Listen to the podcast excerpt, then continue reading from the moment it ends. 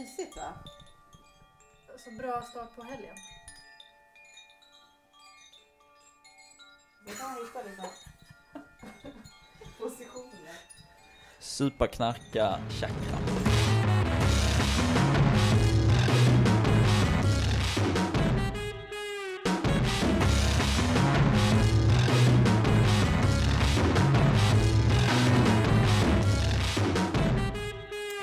Och välkomna till Supa, knarka, folkuppfostra. Som är alltså en podd tillsammans med Lukas Nilsson. Hallå. Hallå, Farid Alabani. Ja men tjena. Och med mig Kerstin Janemar. Och vi samlas ju idag för första, nej jag menar för andra gången. Mm. För första gången? Nej, för andra gången. För andra gången. Mm. Ja, för andra gången. Hur, hur känns det? Alltså, Alltså fysiskt. Fysiskt. Ja. Det är Mm. inte som att vi har klippt ihop de andra avsnitten av olika. Spelar in. Alla spelar in sin Och så råkar det sen- bli Ja, Ja, och så, så, det är ett jävla arbete ska ja, jag det är vi inarbetade. Nej men vi ses ju alltså i kroppsligen tillsammans. Ja, ja På det samma geografiska plats. det, är- Det, det är kul. Det är väldigt kul. Ja. supermysigt. Och ni befinner ju er i mitt hem. Ja. Ja. Vad tycker ni? Innan vi började spela in så visade eh, Kerstin sin eh, kollektion av eh, vindspel. En sak. Alltså det är en sak. ja, men, Eh, nej men vi måste break it down nu. ja. Eller? Vi ska väl prata om elefanten i rummet trodde jag. Vad är elefanten för dig? Men elefanten i rummet är ju att eh, du Kerstin, du leder det här programmet. Mm. Mm. Eller? Det är mycket... Mm. Eller? Mm. Ehm, Var det ifrågasättande av din egen auktoritet? lite oklart. Jag vill, jag Hon vill inte ta ansvar. Platt nej. organisation. Ni alla är med och bygger det här. Men du eh, är också den som inte på något sätt har skrivit Bidragit. under något löfte Om att, om att till exempel vara medlem i en nykterhetsorganisation. Mm. Till exempel. nej. Mm. Eller något, jag vet inte. Vad är, vad är du med för organisationer? Är du medlem i någon organisation? Nej. Inga. Inga alls? Är det ens Medlem liksom... i en organisation. Du behöver inte nämna- Hyresgästföreningen. Hyresgästföreningen. Mm. Ja, men egenintresse där. Ja, tagit ställning där för hyresrätten. Mm. tagit ställning för din egen boendesituation? ja. För det är ju en tryggare ställning. Nej, men vad kan det vara mer? Facket, är det en fri... Ja, det var jag nog med förut, sen var jag utesluten. Alltså för Mm, att jag inte... va? Det är Journalistförbundet får man, alltså man får inte jobba med som något annat. Om man ska vara med Mhm. där. Är det Oj, sant? men det lät så drastiskt, här utesluten. Jag vet, Men det kändes vad- så när jag fick, Fick brevet. du liksom ett brev hem fick och sa du är utesluten? Oj, Jag tror det, Oj. det kan vara fabricerat. Det kan absolut inte vara så. gjorde du själv? Det kan vara så att jag bara inte fick vara medlem längre. Och typ Mm. fick ett brev eller någonting. Mhm. Men hur nås de av informationen vart jag jobbar? Ja, det är alla, sitter någon på varje redaktion som är så här. Men vänta, hon gör ju ingenting. Hon sitter inte och håller på och... Hon skriver ju ingenting. Lukas, vad är du med? Är du medlem i några organisationer? Jag är medlem i flera organisationer jag kan hålla Flera? reda på tror jag. Mm. Fick ett mail, jag... Jag fick ett mail häromdagen, eller liksom, jag Från inte kände igen. Nej men jag går, kollar på vilka medlem. som eh, att ha, så anmäler sig till olika saker som jag har på jobbet liksom. Och så såg jag en Mm. anmälan från Lukas förra veckan. och så var det så här, Nej, nej, det här var ju for your eyes only. jag ska inte säga vad det stod. Men det var så, för det stod bara så här, vilken organisation kommer ifrån? Och Lukas bara, ja, vad ska jag säga? Jag säger allihopa! och så var det så massa organisationer. Man bara, ja du kan ju hålla det till en liksom. Inte typ, ja din egen, ja. Jag tror att eh, Fantomenklubben Bostadsrättsförening. var med. Fantomenklubben var nog med Mm, där, Det är ju livstidsmedlemskap där så att, eh, Men Farida, du, har du också någon, har du också någon serie som du engagerat dig för? Någon serie som jag... Bamseklubben. Nej men så är väl Netflix som är med och bidrar. Men eh, nej faktiskt inte. Um, ja, beror på hur folk ser på det. Men jag är väl medlem i ganska många organisationer också. Ehm, och får då Du är också en föreningsstartare. Både startare, jag var faktiskt med på ett årsmöte igår med en förening där jag var med och startade. Där det liksom också var en annan, alltså en annan styrelse då, som jag sitter ju inte i den styrelsen, jag var valberedare. Ehm, och sen så sa de bara, "Ja, men vi hörs då när, liksom sen då, vi som är i styrelsen, liksom, så kan vi planera liksom vårt styrelsemöte. Och det kändes så häftigt att bara, Ni bara går och gör er egen grej här och här går jag liksom När ringer ni mig? jag bara, ja då loggar jag ur här då. Liksom.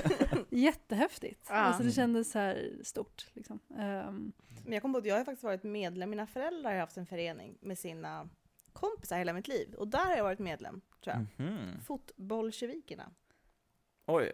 Heter de. spelar de Fotboll. Ja, det var sportförening. Ah. Mm. Med en viss vänsterprägel gissar jag. Ja, faktiskt det var väldigt splittrat. Det var liksom hälften estländare som Mm. absolut inte ville ha någonting med någonting vänster om Folkpartiet att göra. Det kommer Eh. bli en splittring så att det blir fot fotbollmän Ja, men de andra var nog lite så här gamla Vietnampersoner. Men Ja. där har jag ju varit med mycket. Mhm. Men det var ju liksom ingen klar agenda för den föreningen. Mer än att träffas liksom. Där, Varpa, alltså det, bowling och sånt där. det finns ju ändå skillnad på förening förening. För att alltså Mm. de första föreningarna som jag gick med i var väl antagligen så här fotbollsförening när man spelade knattefotboll. Mm. Men det upplevdes ju inte som en förening för att man var ju med, man var ju liksom bara deltagare i en verksamhet. Mm. Ja. Medan det blev ju en annan grej när jag då några år senare kom in i den här spelföreningen och fick liksom utöva hantverket föreningsliv på ett annat Mm. sätt liksom med protokoll och med konton och det skulle liksom Mm. skrivas verksamhetsplaner och bla bla bla bla bla bla. bla Som liksom. tioåring? Ja. wow. Jag var lite lillgammal som sagt. Ja, men får jag säga bara, för att, alltså, jag vet inte om det här kan hjälpa eller inte, men att så här, varför det kan vara intressant, för man kan också då undra som lyssnare här, Mm. eh, men vad har engagemanget med någonting att göra? Eller varför? Alltså nu till exempel de, de senaste veckorna så har, eh, med tanke på vad som händer i världen och våra, liksom, våra grannländer och så, så är det många som eh, har börjat engagera sig på ett eller annat sätt. Allt från att så här, samla kläder till att bussa folk eller till att ordna i sitt hem för att välkomna nya människor som är på flykt och så. Ehm, och också vad fler, ännu fler har gjort däremot är ju dels att så här, donera pengar till, Mm. till föreningar, ideella organisationer. eh, Och att också gå med och bli medlemmar i olika organisationer som man känner att så här, det här vill jag nu främja. Jag vill främja till exempel fredsfrågan så jag går med i den organisationen. Eller om man går med i ett politiskt parti för att man tycker att nej, men de har sagt så kloka saker och nu är det dags för mig att gå med. Att när det händer saker som är ganska eh, ja, men, tragiska saker, konflikter, krig eller så, så väcker det någonting. Och vissa Mm. saker gör, väcker mindre eller, mer eller mindre. Jag menar, Vietnamkriget till exempel var ett sånt tillfälle där många sedan engagerade sig. Fredsrörelsen till exempel var väldigt stor vid den tiden. Eller efter andra världskriget eller så, eller efter första världskriget. Så jag menar, det, det händer saker. Och samma sak kan man se nu i folks engagemang, att folk har en vilja och att man söker sig alltifrån, en del kanske bara är hemma och preppar och bara letar efter sånt. En del letar efter en passtid för att kunna förnya sitt pass. Ja. Och andra försöker hitta organisationer för att kunna vara med och bidra på ett annat sätt med sin tid eller med sina pengar eller med sitt medlemskap för att visa att så här, jag vill vara en del av det här. Och det kan vara intressant att säga, men vad, varför ska man vara med i något av det här? Och, och vi som ändå är en podd där vi pratar om frågor som handlar om eh, allt ifrån folkuppfostran men Mm. också om, om, eh, om nykterhet till exempel. Eh, hur kan det, vad har det med något av det här att göra? Har det någonting med det här att göra? Varför, hur kan till exempel en nykterhetsorganisation vara en del av lösningen, vara en del av, av fredsfrågor eller en del av eh, utvecklingsfrågor i, i världen? Alltså, det är ju Eh, intressant att liksom när någonting blir en, något obehag eller något, allting att, vad ska man säga, att man skapar ett, ett alternativ eller man skapar en motreaktion. Alltså det är, nu är det ju väldigt så här, skarpt läge, man tänker att folk behöver kläder, folk behöver nappar, välling, det kanske behövs boenden och så här. Men jag tänker också så här, hur Föreningssverige är skapat är ju reaktioner mot liksom, samhällsutveckling som man inte vill se. Eller så här, det Mm. är väl hela nykterhetsrörelsens Mm. skapan, eller hur? Det var väl liksom, det finns väl också en kris i att så här, vi ser att så här, håller sam om det här fortsätter på samma sätt nu, så kommer det inte vara bra för vare sig familjer eller liksom, visst finns det en sån liksom pendelverkan i nersupna fä- Alltså jag menar nykterhetsrörelsens födelse är väl en, en, en reaktion på en, en utveckling i samhället som man inte vill se. Mm. Nej men de flesta folkrörelser bygger väl ändå på någon form av eh, tanke av att eh, ta ansvar för ett samhällsproblem som, som liksom ingen annan tar ansvar för. Mm. Eh, Det är ju ofta så som de flesta liksom föreningar skapas och byggs på. Sen så finns det ju såklart liksom andra typer av föreningar också, alltså kulturföreningar eller idrottsföreningar Friskis som. Friskis och Svettis till exempel. Mm. Som kanske mer bygger på eh, någonting annat, alltså något eh, ideal om, om gemenskap eller folkhälsa eller vad det nu kan handla Mm. om. Så där man mer liksom, ehm, alltså många idrottsföreningar till exempel har ju skapats utifrån grunden av att det var det mest eh, liksom, effektiva och bäst, bästa sättet att organisera sin, sin liksom rekreation eller Mm. sitt intresse kring. Eh, och så ser det ju ofta ut fortfarande på olika sätt, även om, och det kanske vi kommer komma in på senare, kommersiella krafter har liksom kommit in och börjat liksom konkurrera om det utrymmet, så är det fortfarande så att vill du spela fotboll så är det i föreningsformen som, eh, som är det lättaste sättet att organisera den typen av verksamhet på. Mm, Liksom. mm.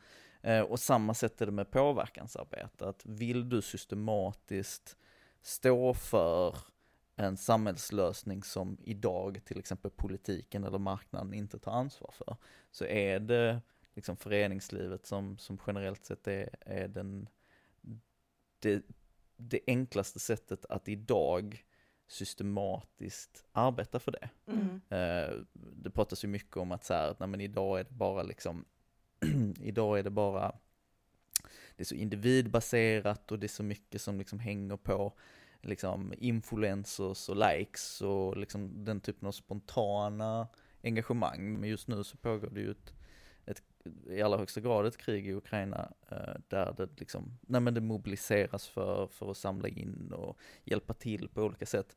Men vi vet ju att de organisationer som, eller den hjälpen som är mest effektiv och den hjälpen som når fram, det är ju från de etablerade, liksom institutionaliserade, starka föreningsaktörerna, alltså Röda Ja. Korset och Mm. Läkare Utan Gränser och liksom de, den typen av ideella organisationer.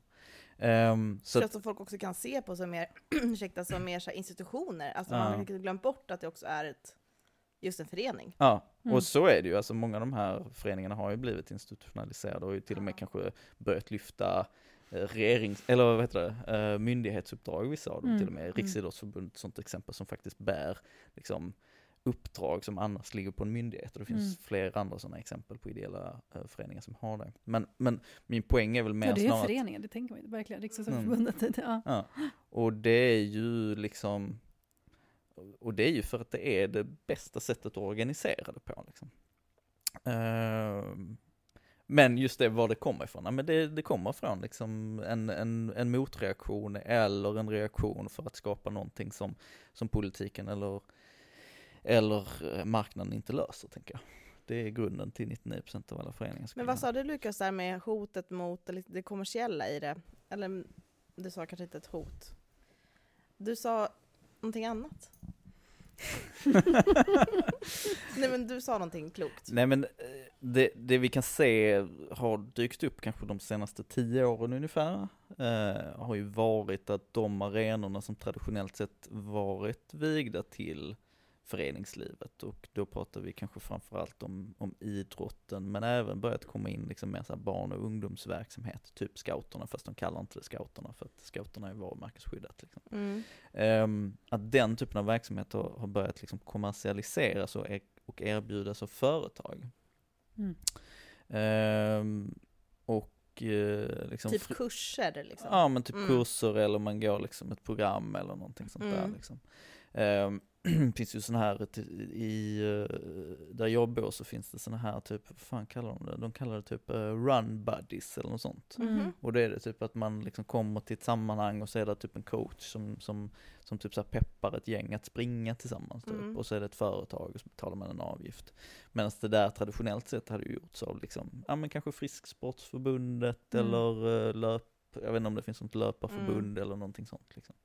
Ehm, Just det. men liksom folk... För det där är ju så väldigt stort hos barn tänker jag. Alltså jag får ju brev hem någon gång i veckan från liksom Happy Kids, Funk You Up typ. ja, heter, men den heter någon, det heter något sånt där. ja. Som verkligen är typ en, en, ja liksom en maskot. Mm. Det är ett kommers. Man förstår att det här är någonting, någon har lagt pengar på att det ska se ut så här. Ja, Liksom. och Mm. det är ju liksom det traditionella där, det är ju typ scouterna, Ja. eller Junis, eller 4H, eller Vi Unga, eller någonting sånt. Liksom Mm. att, Ja, eller gymnastikförening. liksom. gymnastikförening, eller Mm. vad det kan handla om.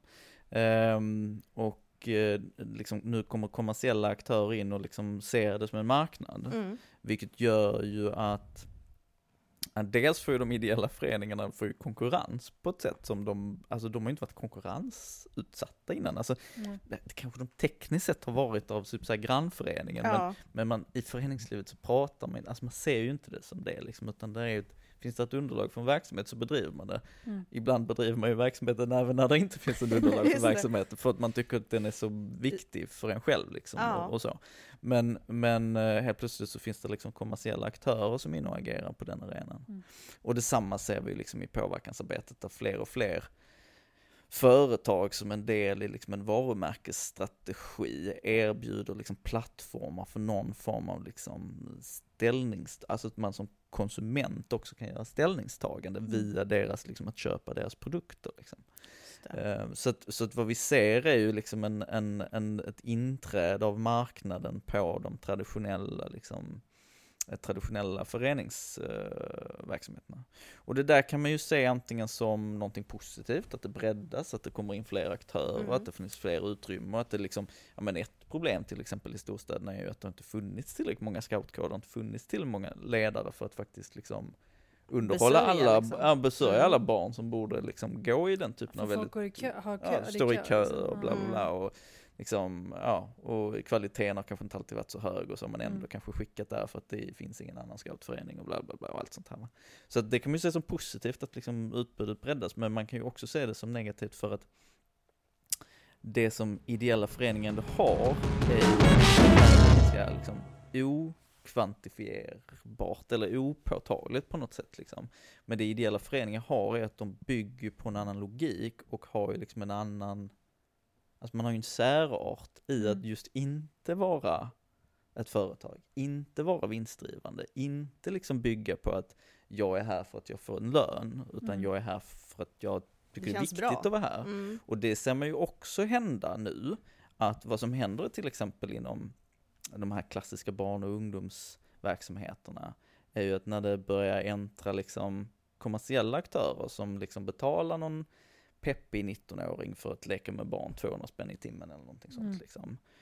Och, och den peppiga 19-åringen kan välja mellan liksom antingen göra det här för 200 spänn i timmen på det här företaget eller göra det ideellt med Mm. allt vad det innebär eh, för scouterna eller för någon annan.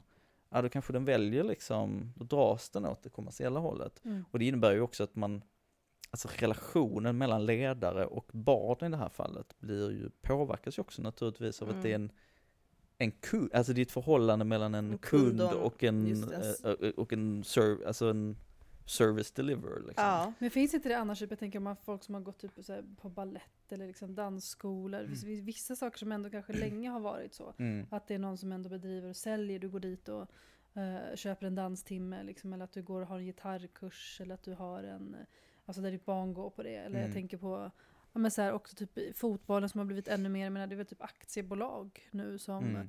alltså vad går man om man går på, har sitt barn i Djurgården och spelar där, är den liksom, den som är där, är den anställd, är det, eller är det någons förälder? Liksom? Mm. Jag har ingen koll på det där, men det, jag har inte tänkt just på hur den här utvecklingen i idrotten, jag har mer, det så jag har hört mer och liksom funderat mer på det inom så här jour, eh, kvinnojoursrörelsen eller sådana saker, att det blir mer och mer privatiserat. Men att verkligen inte tänkt just på hur den utvecklingen är i, i idrotten och, att, och inte heller funderat eller varit medveten om att den faktiskt har varit så pass ideellt driven som den har varit.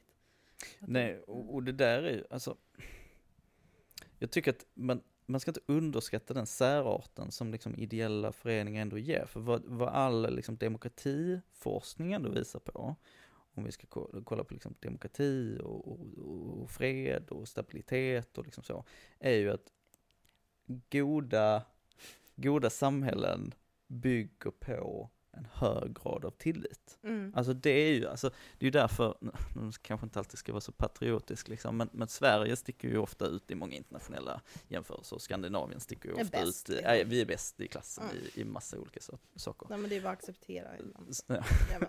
Det är vad som är. Det var det bara. Mm. Och, och en av de grejerna som, som, som Skandinavien verkligen sticker ut i är ju tilliten. Alltså Mm. dels tilliten mellan medborgare och, myndigheter och liksom staten så att säga. Mm. Men också tilliten mellan människor i samhället. Mm. Och då är ju många forskare liksom pekar ju på att anledningen till att tilliten i Sverige är så hög är för att vi har ett starkt liksom, föreningsliv. För att föreningslivet blir, alltså när man inte har relationen som bygger på, där det, där det underbyggande är den finansiella transaktionen Mm. av att jag köper den här tjänsten av dig, jag, du, du, du är min kund och jag är din, liksom, ja, vad det nu blir.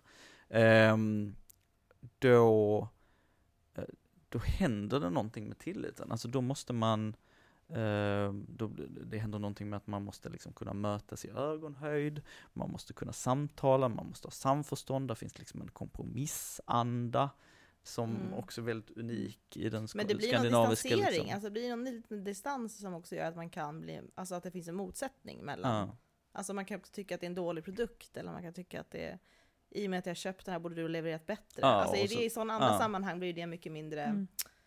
Det blir mer en relationell grej på Ja. sätt. Alltså det är någonting man måste lösa med samtal och Mm. kompromiss och många ideella föreningar också har ju en demokratisk struktur så man kan liksom, och då bygger man ju en tillit till hela det demokratiska systemet för att man kan liksom, man lär sig hantverket att agera i en demokratisk liksom, miljö. Mm. supertydligt exempel, jag pratade ju i inledningen här om, om liksom att jag inledde min föreningslivskarriär, eller vad man ska säga, med att haka på min bror som är stor så spelhobbyfantast och han har ju sysslat jättemycket med så här, olika spelföreningar i sitt liv. Mm. Och härom året så, så valde han att lämna en förening som sysslar med, med spel och istället gå med i ett företag då Mhm. Mhm. som gjorde i princip samma sak. Men Gå gjorde med i det ett företag? Alltså, nej men gå med, men Ja, alltså så. börja utnyttja deras tjänster. eller Ah, ja. säga. Mm. Som egentligen gjorde samma sak, alltså så här, erbjöd flyttan, liksom. Ja, Mm. erbjöd eh, plats att eh, träffas, vara på, träffa nya människor och spela spel med. Typ.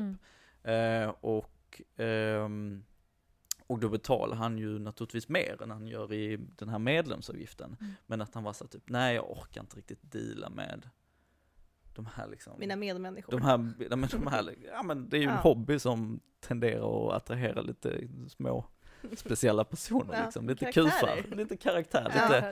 lite eh, spe, liksom unika eh, personligheter. Och han var såhär typ, nej men jag har delat med det här i 20 år, jag orkar inte längre. Jag, jag, jag, jag, jag liksom köper mig in i ett annat sammanhang istället. Mm. Eh, och på ett Övre individuellt, medelklassen. vad sa du? Den övre medelklassen. En övre medelklass. Men liksom på ett individuellt nivå så, Mm. så kan man ju fatta att det är Gud, typ såhär, ja. ja, Mm. men ja, jag pallar inte heller med liksom de här personerna. Ove, liksom. Men, men på en strukturell nivå, på en politisk nivå, så, så, så vad som händer är ju också att eh, kontaktytor försvinner, Mm. integrationen försämras, Mm. liksom människor eh, liksom försluter sig mer eh, och får inte de här liksom, kontaktytorna mot varandra på, på samma sätt. Liksom. Ehm, och det där, det, det är ju liksom, det tycker jag är någonting som saknas i den politiska debatten, liksom eh, värdet av att se liksom särarten av att, alltså att en ideell verksamhet, eh, om den bedrivs bra, eh, har ju liksom ett mervärde som är större än verksamheten den producerar i sig. Liksom. Som stabiliserande eller som demokratifrämjande. Liksom. Ja, Demokratiskola liksom Ja. för. Tillitsbyggande, liksom, Mm. all, alla de här grejerna. Liksom. Jag tänker också för, ja, vad ska du säga? Nej men också bara för att vi också pratar om, om speciellt alltså med nya människor som kommer till Sverige. Där kan ju föreningslivet både vara de som har allt ifrån eh, alltså skolor för, eh, eller så här, vad heter det? Um, samtalscafé, språkcafé, Språkcafé, mm. till alltså tillfällen där man också genom föreningslivet kan eh, lära känna nya människor. Och att det är en liksom sån plats som, eh, som också motverkar ensamhet på många olika sätt. Eller motverkar ehm, Alltså, ja, Motverkar. motverkar. Nej, men det främjar eh, väldigt mycket positivt. Alltifrån demokrati men också bara till ens egna utveckling. Att bli, känna sig tryggare som människa eller lära känna nya människor. Och, alltså det är bara det som sak också, inte bara Mm. Som, som sagt sporten eller spelet. Eller det är bara liksom en bieffekt av, av det. Sen är vissa väldigt fokuserade kanske på den, just det, att få ut den grejen. Och då sen kanske inte palla med att det är en förening där alla får vara med, alla åldrar och alla personer. Känner man så här, nej men nu orkar inte jag det. Jag vill, jag vill få ut just den här saken som den, just de verkar sälja utan allt det här andra strutt, Mm. strunten. Och jag, ingen kommer behöva försöka över... Ingen kommer övertyga mig till att så, bli valberedare här, någonting sånt. Jag kan göra min grej, betala för att gå. Nej men Mm. så här, det, traditionellt sett så har ju föreningslivet alltid varit, dels har det varit demokratiskolan, eh, dels har det varit eh, en fostringspunkt där människor liksom på något sätt eh, rustas för att vara en medborgare, Mm. om man uttrycker det så. Ja. Eh, Men sen har det också varit plantskolan för, för politiker liksom. Och för att eh, föreningslivet har ju som funktion att också agera röst. Ja. Alltså om man, har, om man är lantbrukare, då är man med i LRF, Mm. alltså Lantbrukarnas riksförbund, och blir representerade via deras påverkansarbete. Är man nykterist så är man med i Igitento, är man eh, Djurrättsaktivist. djurrättsaktivist så är man med Djurens Rätt eller Naturskyddsföreningen eller sådär. Och sen så liksom sker det där. Mm. Och vad som också har varit traditionellt sett är ju att liksom politiken har ju också hämtat sina liksom aktivister och sitt kader från liksom föreningslivet. Alltså Mm. eh, Centerpartiet har hämtat jättemycket via LRF, liksom eh, landsbygdsrörelserna. Eh, sossarna har ju såklart hämtat från arbetarrörelsen. Folkpartiet har oftast hämtat från liksom olika kulturföreningar och den typen av grejer. Mm. Eh, Så att det har liksom alltid funnits liksom en, eh, en, en liksom svängdörr, om man får använda det uttrycket som är lite raljant, mellan liksom politiken och föreningslivet. Mm. Som på många sätt faktiskt gynnat den demokratiska utvecklingen skulle jag säga, för att det just blir liksom att då fostras liksom politiken in i det demokratiska liksom hantverket och där finns goda kontaktytor mellan eh, olika liksom allmänintressen, eller olika liksom intressegrupper i alla fall, Mm. eh, och, eh, och eh, liksom politiken som inte är byggd på kommersiell grund. Vad vi kan se nu är ju att den liksom den kopplingen liksom luckras upp mer och mer för att partierna liksom eh, partierna blir mer och mer ehm, Dels handlar det om liksom den så kallade folkrörelsedöden som är ju, jag tänker att vi inte ska gå in på här. Men, men, men, eh, men eh, det handlar ju också om att partierna liksom mer och mer fjärmar sig från, från föreningslivet och vill liksom ha någon så här, det är så jävla, det är så jävla mycket associationsskräck nu för tiden. Mm, liksom. man säger, oh vi vill inte liksom sitta, sitta knäna på dem och bla bla bla. Och allt Mm. Åt båda hållen? Ja, eller? precis, åt Mm. båda hållen. Men vad som då händer, då uppstår liksom ett, ett inflytande vakuum och vad som händer upptäcker vi väldigt tydligt i alkoholpolitiken, Mm. eh, som är ju det området jag jobbar i, är ju att industrin går in och tar det utrymmet. Mm. För tidigare i, i svensk politik, svensk alkoholpolitik, så det har alltid funnits en bred konsensus från vänster till höger, att man, man pratar inte med alkoholindustrin. Mm. Eh, man kanske ibland lyssnar in dem för att man måste typ. Men man tar liksom inte deras argument på allvar. För att alla har på något sätt ändå liksom förstått grundpremissen att deras utgångspunkt är att liksom tjäna pengar och desto mer effektiv alkoholpolitiken är, desto mindre pengar tjänar de. Mm. Sen kan man ändå tycka att alkohol ska finnas i samhället, det ska finnas en alkoholindustri. Men man kan ju liksom ändå erkänna, oavsett om man är vänster eller höger, att det finns liksom ett, ett, ett neg, alltså det finns inget förenligt intresse mellan liksom allmänintresset och alkoholindustrins intresse vad gäller Mm. politisk påverkan. Mm. Och den konsensus har suttit väldigt, väldigt stark. Men istället så har det funnits liksom en, en dialog mellan politiken och de ideella föreningar som har funnits liksom inom det här området. Liksom brukarföreningar å ena sidan och liksom nykterhetsförening å andra sidan. Mm. Och vi liksom tappar just nu liksom det inflytandet för att vi ses som ett lika eh, legitimt intresse som alkoholindustrin. Så. IG Tento, liksom eh, Svensk Sprit och vinleverantörsföreningen likställs som intresseorganisationer. Mm. Vilket är helt absurt för att det är en jäkla skillnad mellan att Mm. vara en intresseorganisation för en bransch som är så här, vår policyarbete handlar om att så här, Sälja. sälja och se till att skapa så goda förutsättningar för oss Ja. att sälja vår produkt. Medan IG Tentos intresse är ju typ så här, vi vill värna folkhälsan och Mm. att folk ska må bra Mm. och vi är ideellt engagerade för den visionen. Alltså, jag tjänar ju inte mer eller mindre pengar på om folk super mer eller mindre. Liksom. Nej. Nej, eget intresset I- finns nej. Egenintresset är ju liksom på något sätt att vi, vi tror om en bättre värld. Sen kan man tycka att min vision om en bättre värld är dålig. Mm. Det kan man ju såklart tycka. Ja. Men, men jag är ju inte liksom, jag agerar ju inte i egenintresse i mitt engagemang. På samma sätt som någon i Naturskyddsföreningen inte agerar i egenintresset för deras engagemang eller, eller Mm. sådär. Nu, så nu har man lagt, alltså nu går det mer och mer åt att, så här, att intresse som intresse, och även om det är Ja. ekonomiskt så spelar det ingen roll. Du har ett Mm.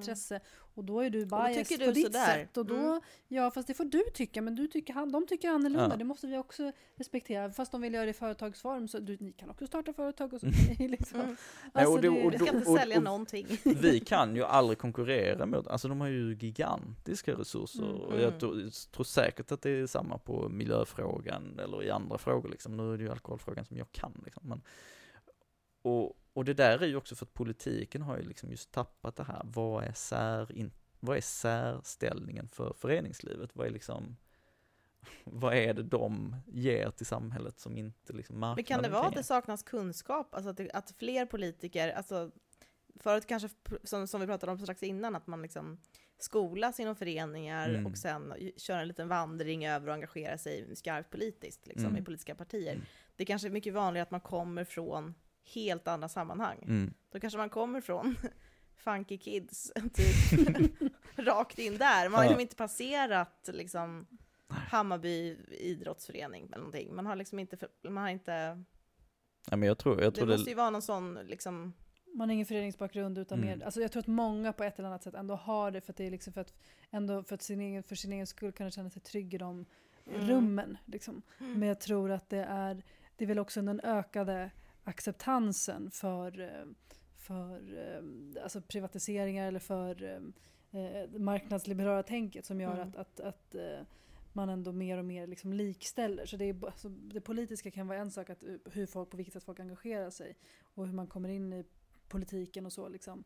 Jag tror att de här skolorna fortfarande är lika bra. Jag tror inte att det är där, liksom jag tänker som UNF, som för Mm. mig har varit en sån, sån um, Ungdomens nykterhetsförbund, en sån organisation som jag har liksom sett upp mycket till. För att jag har inte liksom varit så aktiv i det själv, men när jag har sett eh, utifrån och de som har kommit ut därifrån, ja. som har bara, men gud, du är typ som en helt annan människa än, än de andra. Men, för att de har så mycket trygghet i hur processer går till, eller hur, Mm. för att man lär sig det. Och det är väldigt tydligt, alltså du går ett steg ett, sen går du steg två, sen går du steg tre. Här har vi ett, har vi ett tänk. Mm. Och det är både hur du liksom ska tänka, lära dig om, alltså kring drog, eh, drogförebyggande Skola, frågor och liksom. liksom sånt, men också Mm. kring hur, hur man driver en organisation, eller hur man driver eh, sådana frågor.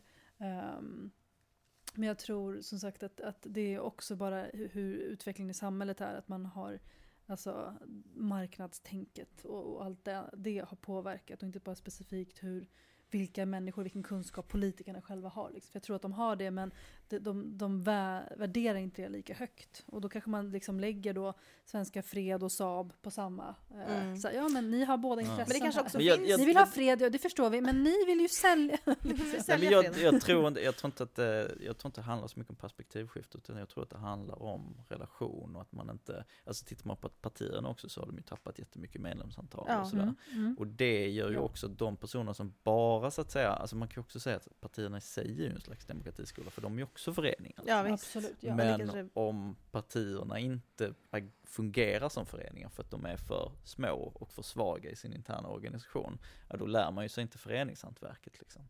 Så att jag tror att, ehm, jag tror faktiskt att det ligger ganska mycket i att många politiker idag kanske på pappret har föreningskunskapen, men man har inte den i, i, liksom i själ och hjärta på samma sätt. Men det är intressant det hela med beröringsskräcken, tänker jag också. Alltså det, vårt samhälle nu är ju väldigt mycket så här, om man ska tro, vissa delar skikt i alla fall, så här cancel-samhälle, man liksom har har Brud pratat med den som inte pratat med den, och men vi satt och åt lunch med dem, alltså jag tänker Mm. rent politiskt, jag menar inte privat.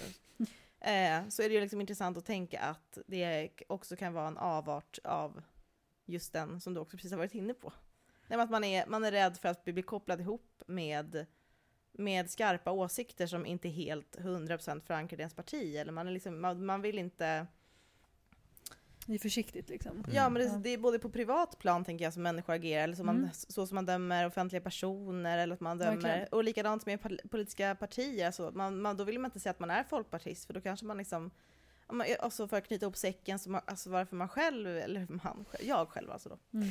kanske inte gick med in, alltså att man har någon så här konstig eh, samhällssjukdom som är så här typ eh, en 20-årig snubbe typ som inte vill så här committa till någon tjej. Man, man pallar liksom inte, nej men att det är så här, jag tror kan tro att det kan vara stor, man vill liksom inte, för så tror jag att jag så här bara, "Ha, men om jag ska gå med så här nykter, så här, kan jag liksom Tror jag på mig själv på det sättet? Eller liksom, man kan liksom inte så här, mm. commit, vad heter det ens på svenska? Men det måste man ju komma på innan man säger det. Commit. Men Ah, just- jag vill inte ja. säga committa. Jag vill säga liksom eh, komma... Engagera sig. engagera sig. Mm. Ja. Det jag precis sagt. Låsa in sig. Ja men verkligen inte Mm. låsa in sig så man inte känner sig trapped i en relationship som man inte, som man inte vill leva vidare med. Nej men förstår du, det wanna break it up. We're gonna break up so. Nej men den känslan av att så här, vara låst i ett sammanhang, alltså, jag tror det kan Mm. finnas sån, alltså jag bara så här, pratar med min egen 17-åriga jag som så här bara, "Ha, varför tyckte jag som ändå tyckte att jag var nykter och tyckte det var viktigt med, alltså framförallt liksom Alltså jag var ju ännu, jag var ju väldigt aggressiv nykterist som ung, alltså så här, Mm. vägrade liksom Ja men liksom mer hardcore på något sätt åt alla Mm. håll. Eh, även med djuret och sådär. Men det har ju verkligen fejdat ut. Eh, på så sätt. Eh, men jag tänker bara, inte ens då kunde man känna såhär, jaha, ska jag vara del av ett sånt sammanhang? Alltså vill säga sammanhangsrädsla. Mm. Som liksom folksjukdom. Att man bara, ah, nej men, ja, jag vet inte. Det är inte, så här, det är inte så ofta man hör någon säga bara, nej jag är socialdemokrat. Alltså, det sa ju min morfar, det kunde han ju säga i varenda samtal han sa. Jag vet inte ens om han var medlem i Mm. Socialdemokraterna, men han ändå Nej. sa det. Det var liksom hans... Det, det känns som i alla fall inte ens i min generation och de som jag träffar, det finns liksom ingen...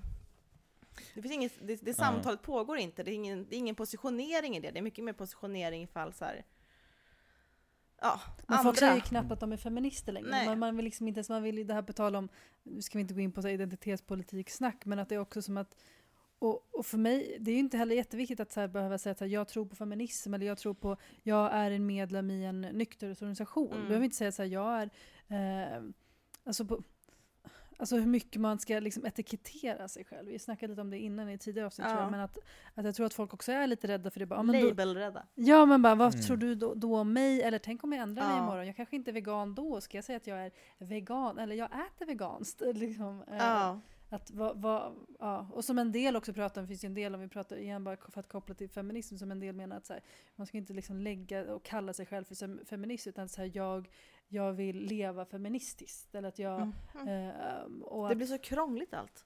Ja men det, det finns olika tankar om det där. Ja. Men, Men- ja. Men jag tror det ligger, alltså dels identitetsgrej, men också som du säger Kerstin, alltså det, det, man vill inte binda upp sig till ett helt värdepaket som man Mm. inte är Mm. så här, och jag vet inte om jag 100% kan liksom stå bakom Det eh, det här löfte, liksom. typ Oh, om det- vad då? Oh, liksom? det låter Ja. läskigt och, Nej men jag kan bara prata med mig själv liksom. Ja. Ja.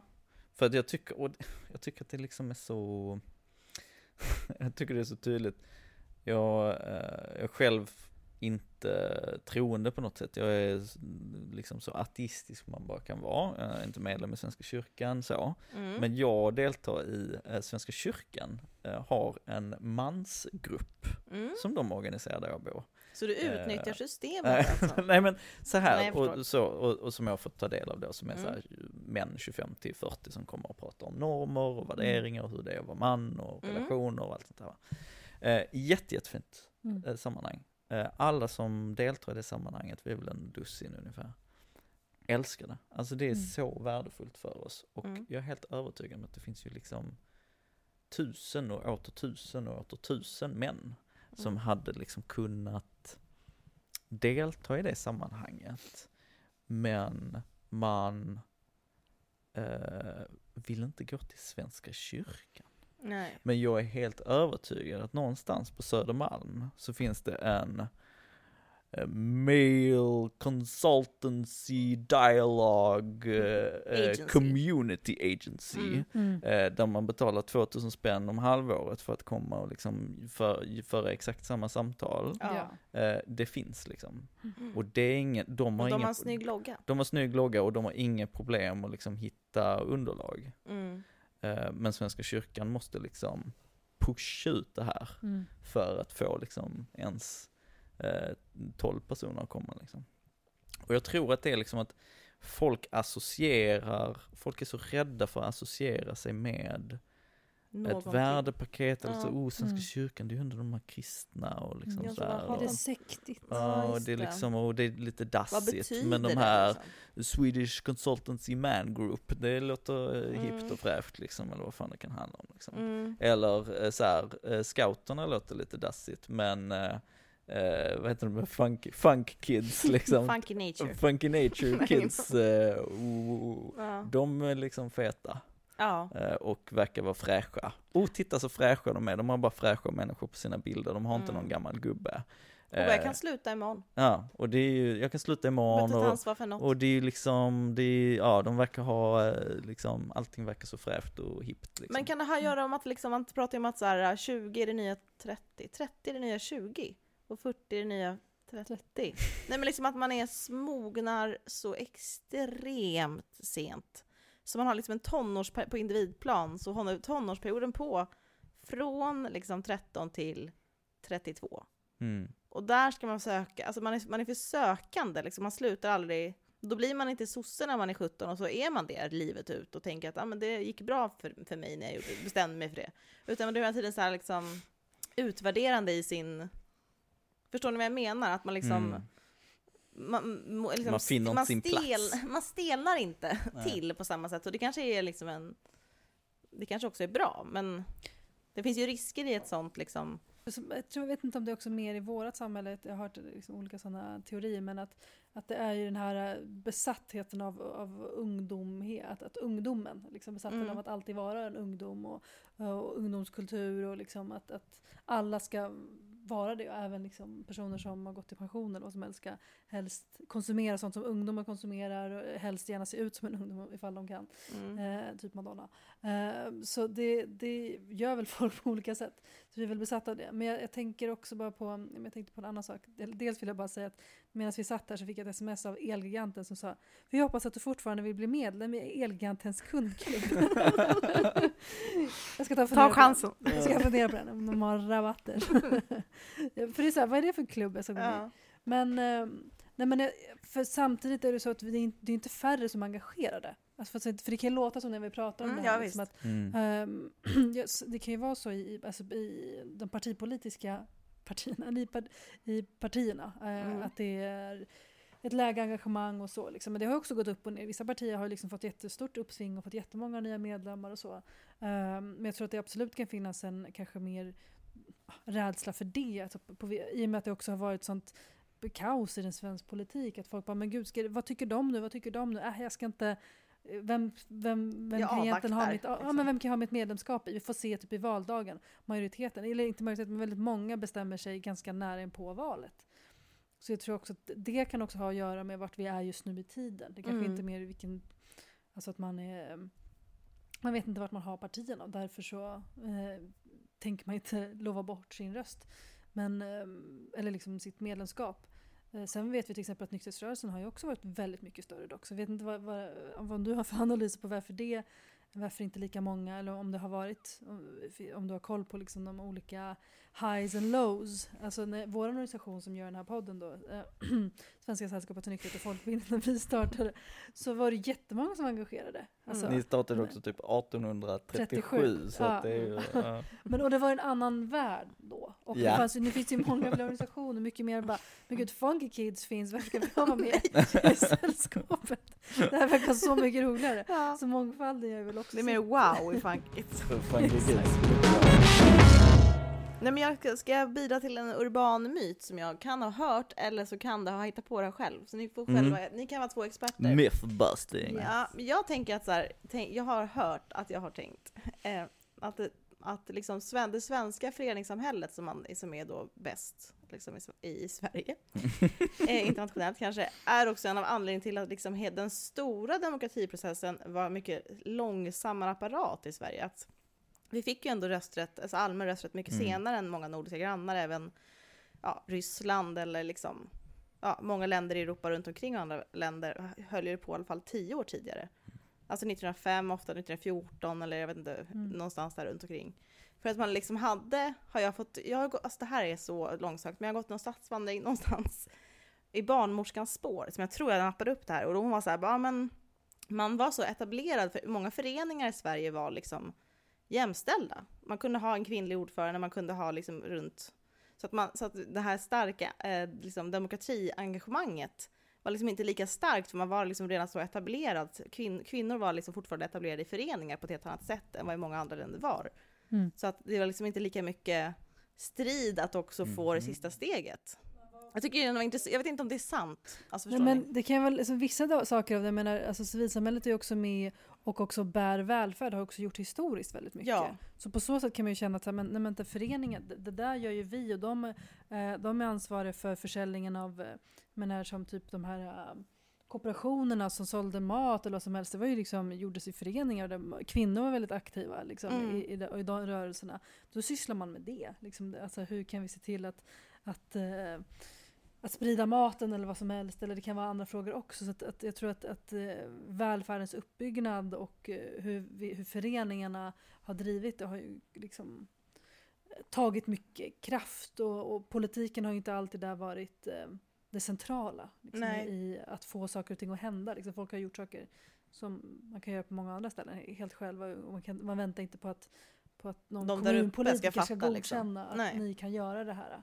Ehm, och sen har ju mycket sen dock gått in i politiken. Att så, okay, men då kommunen driver nu eh, välfärd, d- bedriver nu det här, har eh, hemtjänsten och har alla de här sakerna som då Mm. egentligen föreningarna har haft. Och då är det en, en del pratar om det nu just att hur blir det då med, vad, vad har då föreningar för funktion då? När, Mm. när staten har börjat ta över de sakerna eller liksom driver de sakerna. Det kanske man ville, fast vill man det i den, eh, i den graden som sättet, det har liksom. blivit, på det Ja. sättet.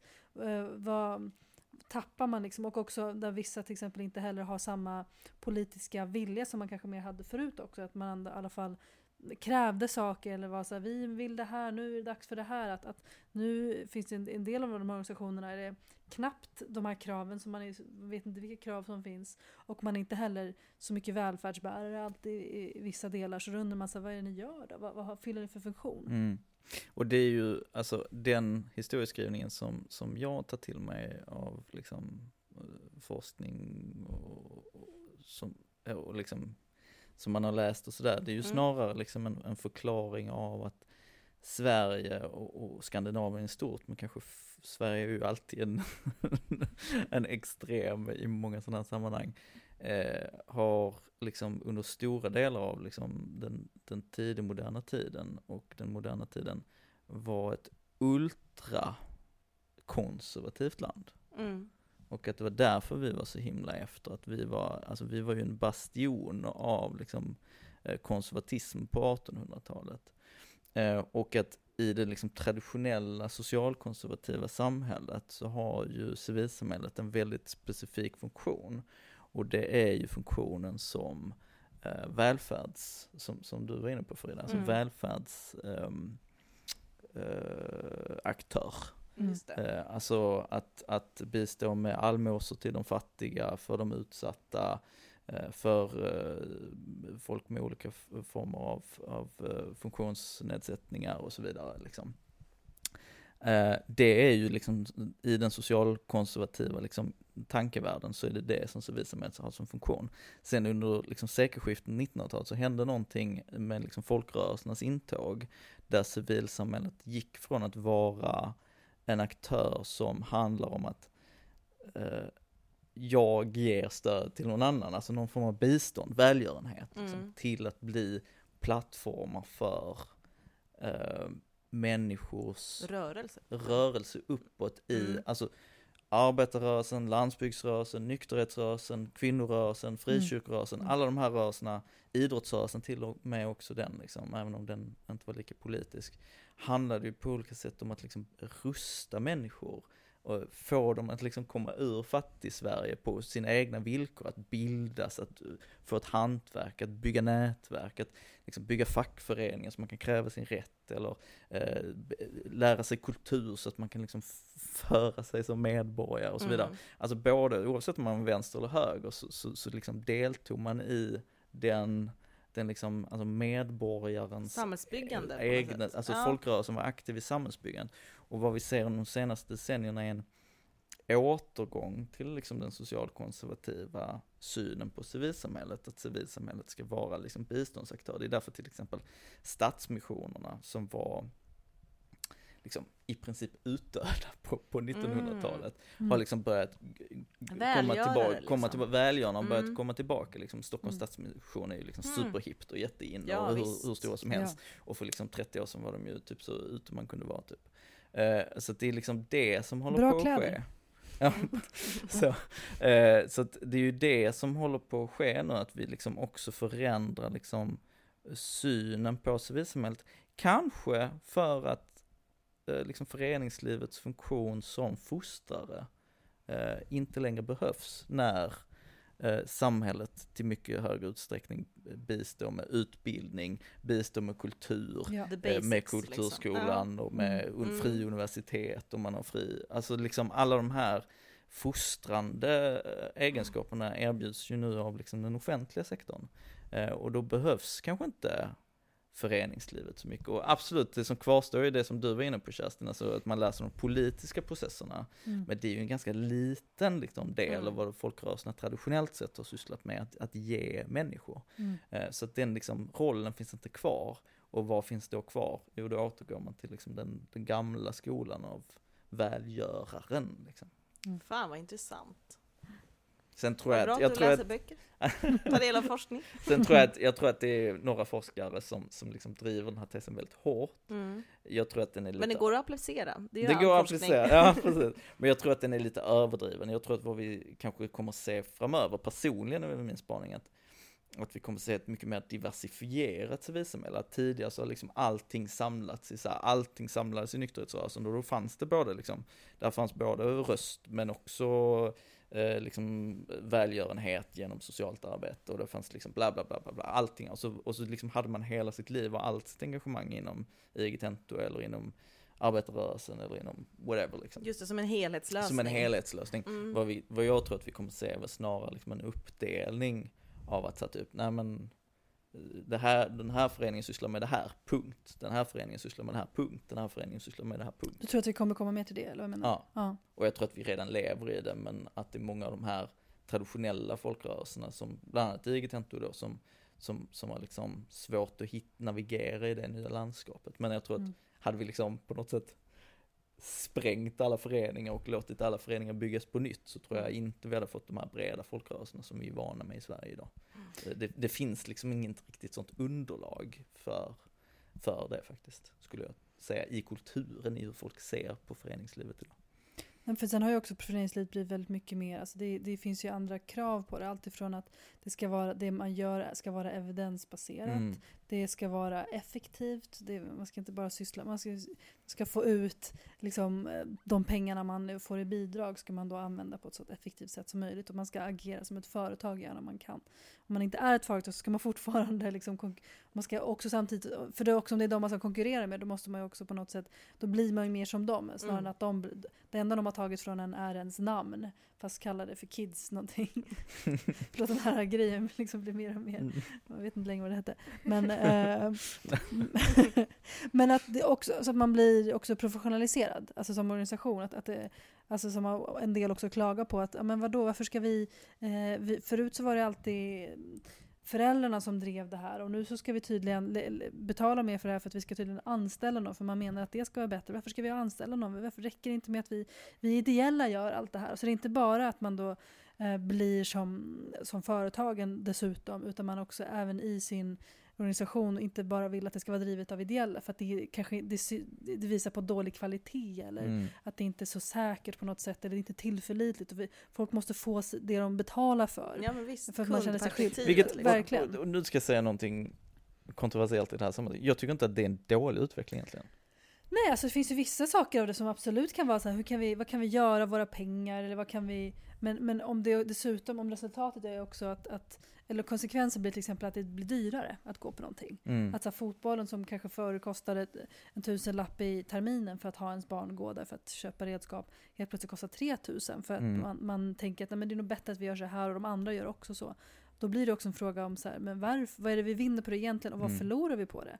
Alltså om det, om det var för att vi skulle få en anställd på köpet eller inte. Sen kan jag tycka också att så här, ja, men vilka är det som egentligen gör det ibland? Är det samma person som bränner ut sig i det där? Och, och Mm. som tycker att det, är- alltså det är inte som att alla föräldrar kommer och hjälper till och Nej. är tränare. Det är oftast någon kämpe som verkligen, och, och där män oftast i, inom idrottsvärlden är de som, det är där de, liksom, de lägger sina ideella timmar. Kvinnor är liksom mer aktiva i andra organisationer, även i idrottsvärlden. Men, men det är det som också gör att män idag är mer engagerade ideellt än kvinnor, just för att de är så pass engagerade inom va, pappor bland annat och så Mm.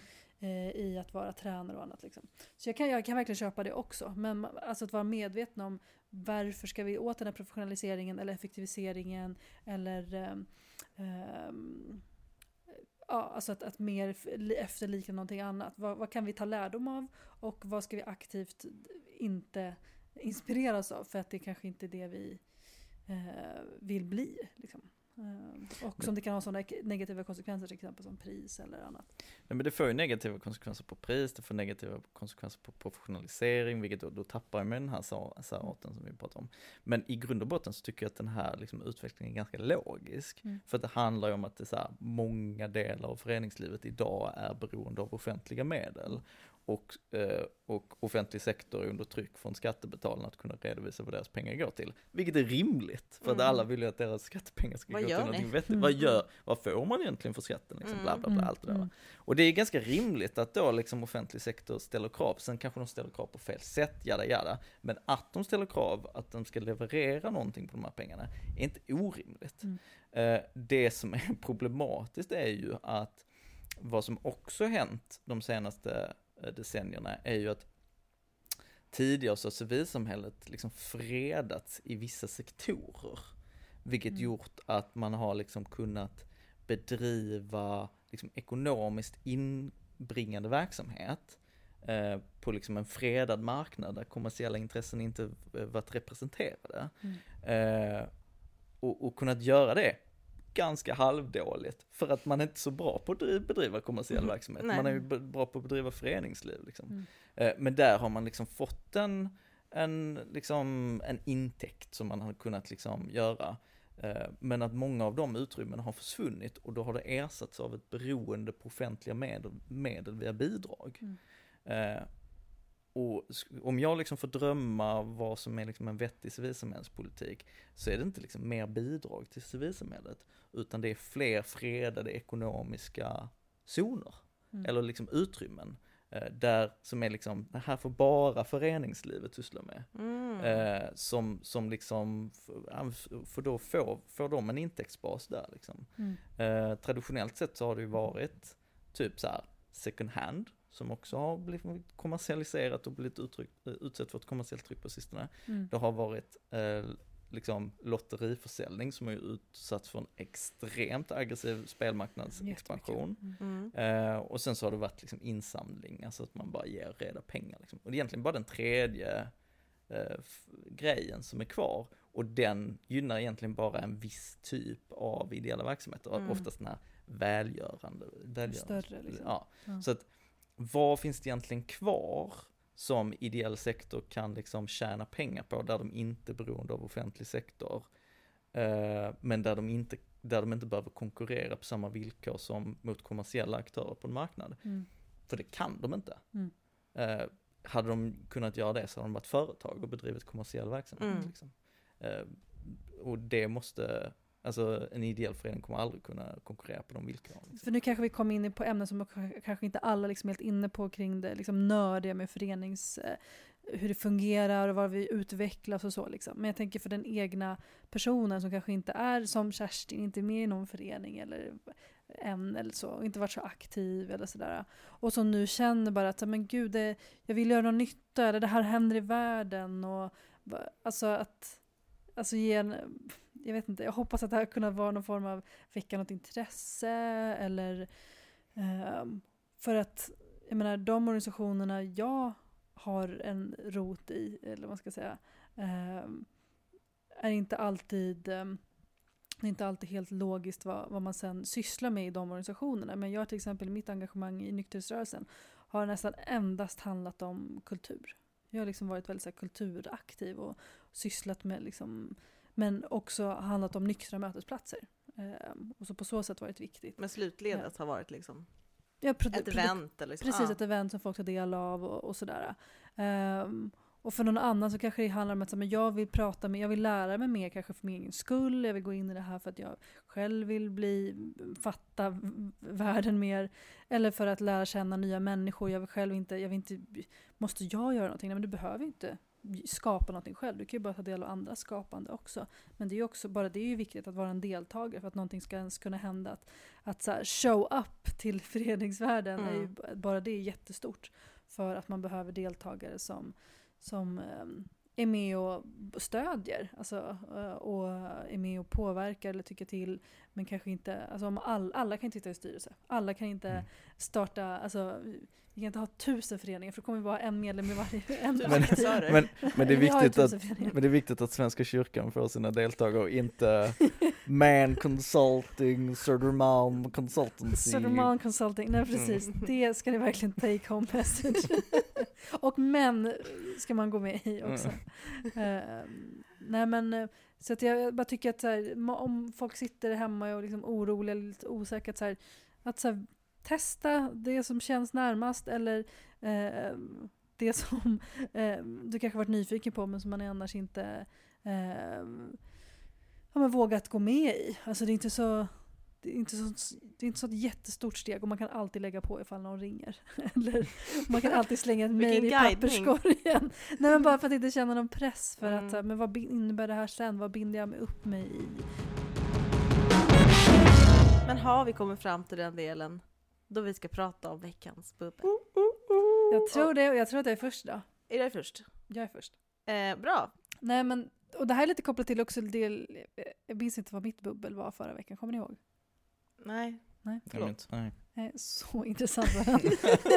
För ni har inte gått vidare och Det bubblat säkert- om det ämnet. liksom- Nej, Nej, ingen Det kanske är så etablerat nu så Ja inte ens exakt så, tänkt det känns på så det. självklart. Ja. Men det vore så sorgligt om man sa samma bubbel igen.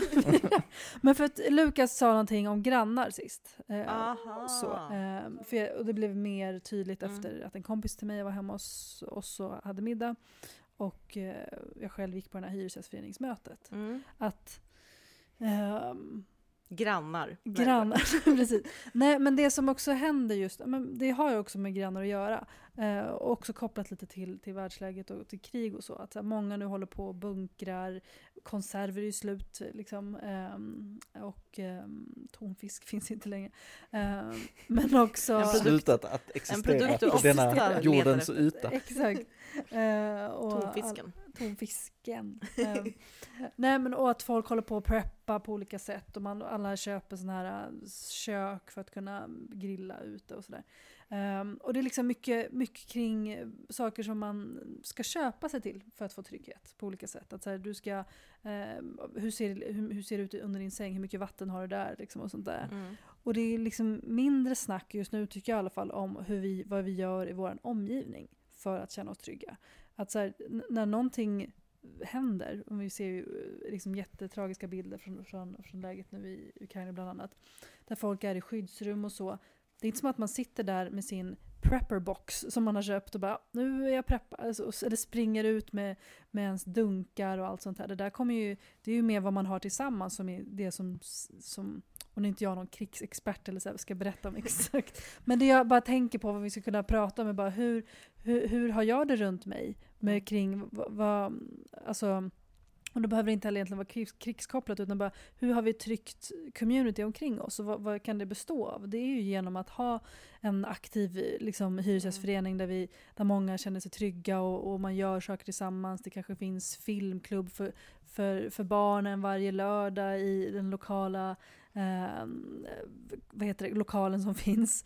Eh, och sådana saker, att det är liksom genom den sociala eh, interaktionen. Det fanns ju ett exempel från det för, för några år sedan ehm, där det var, eh, vad heter det, en sån naturkatastrof. Liksom, det var väldigt kallt. Berättade jag om det här sist? Nej? Nej. Nej, vad bra.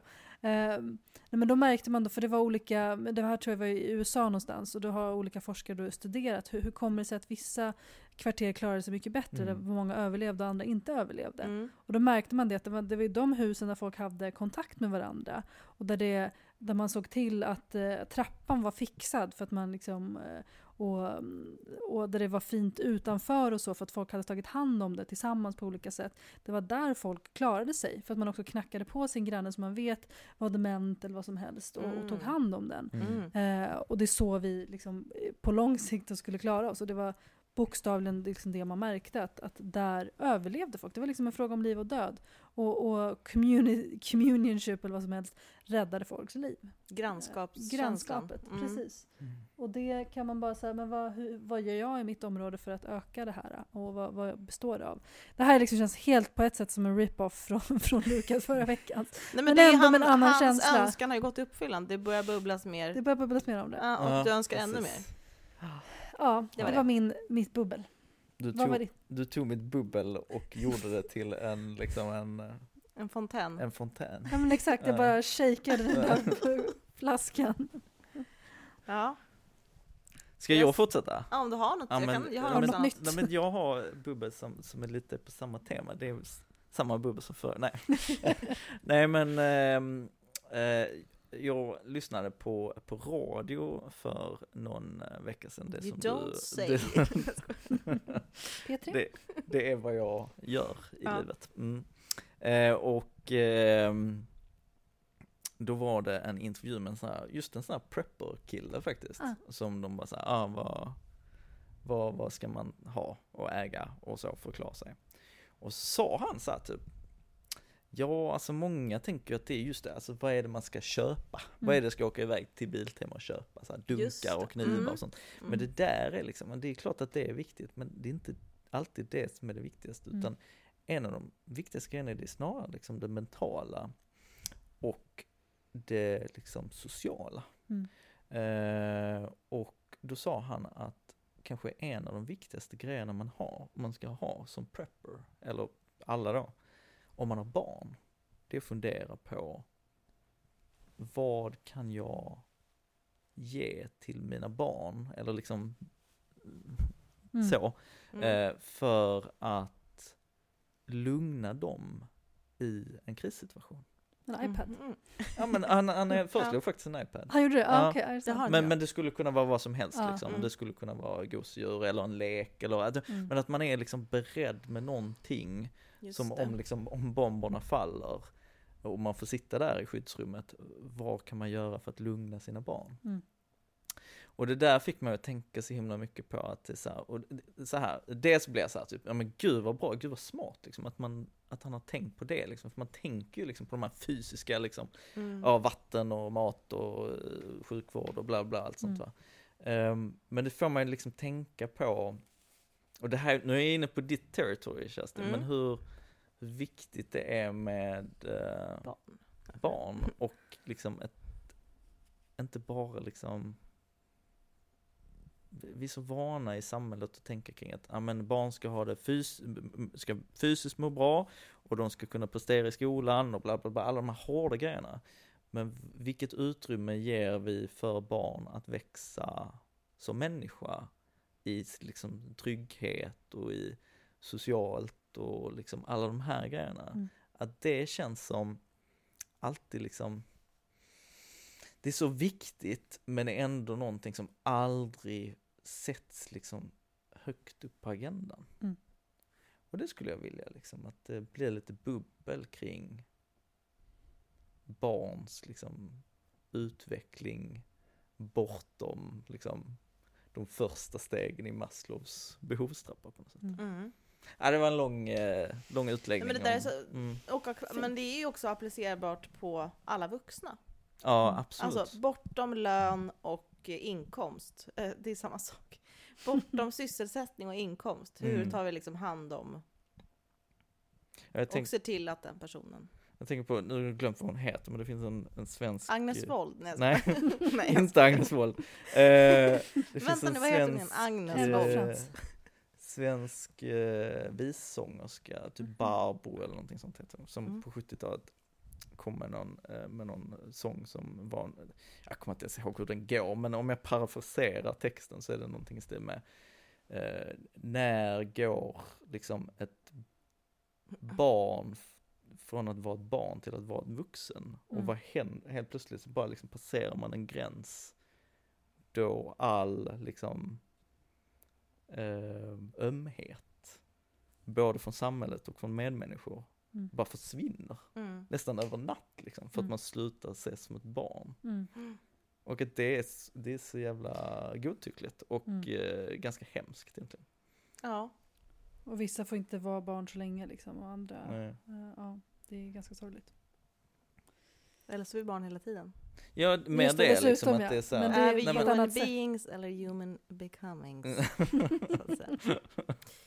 Ja. Ja, okej, men då kommer jag som vanligt med en liten plattare bubblare. Efter kommit efter er. Nej men jag har ju bara tänkt på en grej, nu har jag bara tänkt på, det hänger i och för sig lite ihop med det som du pratade om också Lukas. Du nämnde skola här. mm. Jag tycker att så mycket skit kastas på skolan.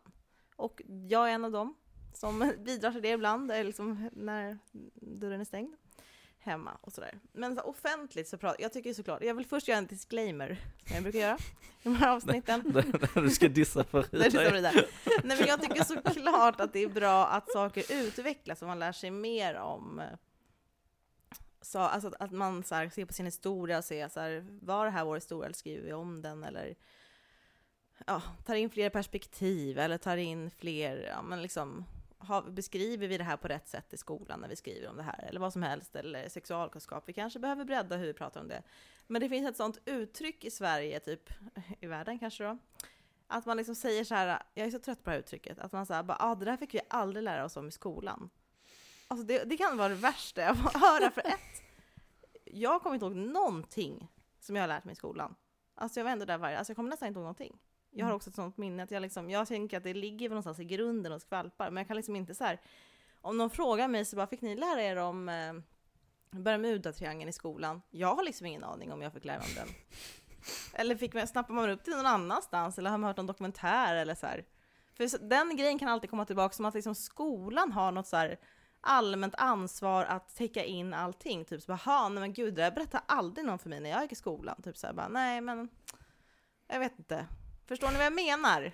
Att man kan vara less på den, förstår ni, den problemformuleringen är så här, man bara,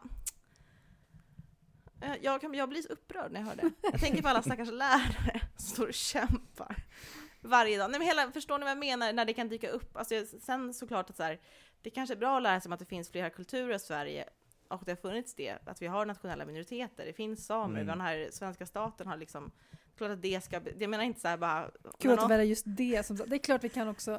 vi kan väl ta med att det finns samer i Sverige? Nej, men jag menar inte, jag, om någon ska jag säga, vet att tycker att det är bra. Eh, nej men bara den känslan av att man hela tiden uttrycker bara det där fick jag aldrig lära mig någonting i skolan, som att det skulle vara, som att liksom bildningsuppdraget slutar efter en viss typ av klockslag och på en viss institution. Förstår Mm. ni? Mm. Men- Kan ni känna igen det Ja. uttrycket? Att Nej, folk säger verkligen. så, så Verkligen. man bara, men okej om inte du fick lära dig någonting om eh, att det har funnits, att det finns tornedalsfinskar i Sverige och att de, vad, vad som har hänt, men då kan väl du googla på det då, så att du får lite mer kunskap om det istället för att tänka att det där borde min samhällslärare när jag gick i nian 1997 tagit upp till mig. Alltså man bara, du skulle ändå inte kommit ihåg det idag. Det finns liksom ingen poäng att du ens gör en sån Men det är så, det är så enkelspårig syn på, på bildningen hos barn också. Ja. Och det är ju också, det är ju faktiskt, skolan, om jag ska kasta lite skit på skolan nu Ja. det är ju faktiskt skolans fel också i att eh, se så här typ, eh, men vår, alltså skolan har ju liksom, uppfattar jag, smalnat av sitt uppdrag de senaste åren. Det är bara betyg. Det, det handlar om betyg, det handlar om Mm. eh, liksom, eh, kunskap man kan ta på liksom. Mm, från Och till exempel det är mycket, mycket, mycket, mycket svårare Mm. Eh, som förening till exempel att komma in i skolan och prata om, "Ah, men vad sysslar vi med och kanske värva någon medlem Just till något det. ungdomsförbund och allt sånt där. Och det borde ju liksom ingå i skolans eh, bildningsuppdrag, Mm. att liksom exponera barn för bildning som kommer verka även utanför liksom klassrummet. Ja, eller bara exponeras för samhället Ja, utanför en precis. bok på något sätt. Liksom. Och det är så här, ja då kanske du kunde lära dig om samerna, eh, Mm. i, kanske inte i skolan då, även om man kanske borde lära sig det. Man kanske borde veta Men, det, men just men, det. men så här att man, alltså som barn också exponeras för hur det var, eh, är att vara samhällsmedborgare på något sätt. Och Mm. i det så kommer ju också en, en bildning och fostran. Liksom. Men jag, tycker faktiskt att det är intressant, som, för att, som, att du säger där som sista punkt, på tal om också- också engagemanget och typ föreningsvärlden och sånt. Att, att de här sakerna, precis som du sa också, för du, refererar också tydligt till att så här, förr i tiden, eller så för, på 90-talet, för att saker och ting har ju förändrats. Vår syn på saker och ting har tack och lov förändrats. En del Mm. saker kanske... ja, eller hela tiden kommer göra, fortsätta göra. Ja, liksom. och vi blir Mm. bättre förhoppningsvis. Så att Mm. då är det så här bara, ah, det där hade vi inte då och det är ju väl synd, men vi Mm. kan göra, vad kan vi göra av det nu? Liksom? För att det är Mm. klart att det är, alltså, vi hade Fröken Sverige-tävlingar som var sponsrade av Folkhälsomyndigheten. Det ska man ju inte göra idag. Alltså, Va? så här, Hade vi? ja, för de tyckte att det var bra med, med liksom rökfria förebilder. Aha, rökfria oj. tjejer som var förebilder. Ja, Alltså, det tyckte man var skönt. Logiskt tycker jag. Ja men då hade de samarbete med någon Smoking Generation och sådär. Var väldigt. Men det skulle inte någon Smoking Generation göra idag, eller Folkhälsomyndigheten som då hette, hette Folkhälsoinstitutet. Så att saker och ting förändras, Mm. tack och lov. Och också det, är det tack också vare eh, alltså personer som är aktiva inom kulturen, inom alltså, grupperingar som inte alltid är föreningar, men också föreningar som Mm. tar fram och så här, protesterar, gör olika saker. Det var genom en protest av två tjejer eh, som eh, var aktiva i en så här kulturgrupp som gick upp på scen och efter det så sa de, men de sa någonting om, om så här gubbslem tror jag att det var, Mm. ehm, på, i början på 2000-talet. Och sen efteråt så typ bara dog den tävlingen. Mm. Ehm, Mm. någon måste göra någonting, säga någonting och sen kanske det blir så. Och då, och då därför, en del saker som vi har på, på i skolans curriculum, vad heter det? Mm. Alltså som att man får när flyttar vi till USA? Jag fattar ingenting. Nu pluggar jag för sig engelska i skolan så det är kanske därför jag, jag skyller på det. Mm. Men ehm, det var ju någon som sa att så här, och stred för det. Och- till slut så fick man det i läroplanen. Det är inte som Mm. att det bara dök upp från ingenstans. Allting har ju skett av en utveckling för folk har på olika sätt protesterat eller lärt sig mer om att så här, men gud, vi måste nog kanske ta in det här om, om minoriteter eller om rasismen eller om, om ehm, sexism eller vad som helst. Och det, och det är ju och det kan man ju trycka på mer om man tycker att det ska finnas ännu mer av det. Men det kommer ju inte bara av sig själv. Så jag kan förstå liksom den här ilskan att det där fick jag inte lära mig. Alltså en sak jag vet att jag fick lära mig, det var ett ord i skolan som jag alltid kommer tillbaka till att så här, just det, det där lärde jag mig i skolan. Och det var typ på engelskan. Vi, skulle göra, vi hade typ så här 20 svåra ord varje vecka på, på Mm. gymnasiet. Vi skulle ha prover och komma ihåg. Och liksom typ ett ord därifrån som hette var eh, som är helt har jag glömt bort nu för jag tror att det Du lärde dig alltså inte i skolan? Exakt.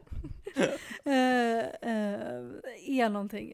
Först jag att det var ejaculation, men det var inte det. Det var Nej. något så här annat e. I alla fall, jag kommer tillbaka till nästa avsnitt. Men så, så ibland kan jag verkligen bara, "Mm, det vet jag att det fick jag därifrån. Eller, eller hur man stavar det till because, det tyckte jag var svårt. Och det fick, Mm. alltså bara, det, så- kom ihåg att jag satt mig där i det rummet och den liksom årskursen och sådär. Mm. Sen har man väl det i sig. Att, men att många är till exempel ateister och, och att många tror på Big Bang Theory i Sverige jämfört med USA. Det är ju på grund av skolan. Mm. Och liksom på grund av hur, hur samhället är eh, på olika sätt ordnat. Eh, så att skolan gör ju många saker som vi inte alltid kanske är helt medvetna om. Liksom. Mm. Men också det går att påverka. Så engagera i den där föreningen och pusha på ifall ni vill. Kan inte du också på någon avsnitt berätta hur det stavas? Because. B-A-Q-C. B-A-Q-C. B, B, B,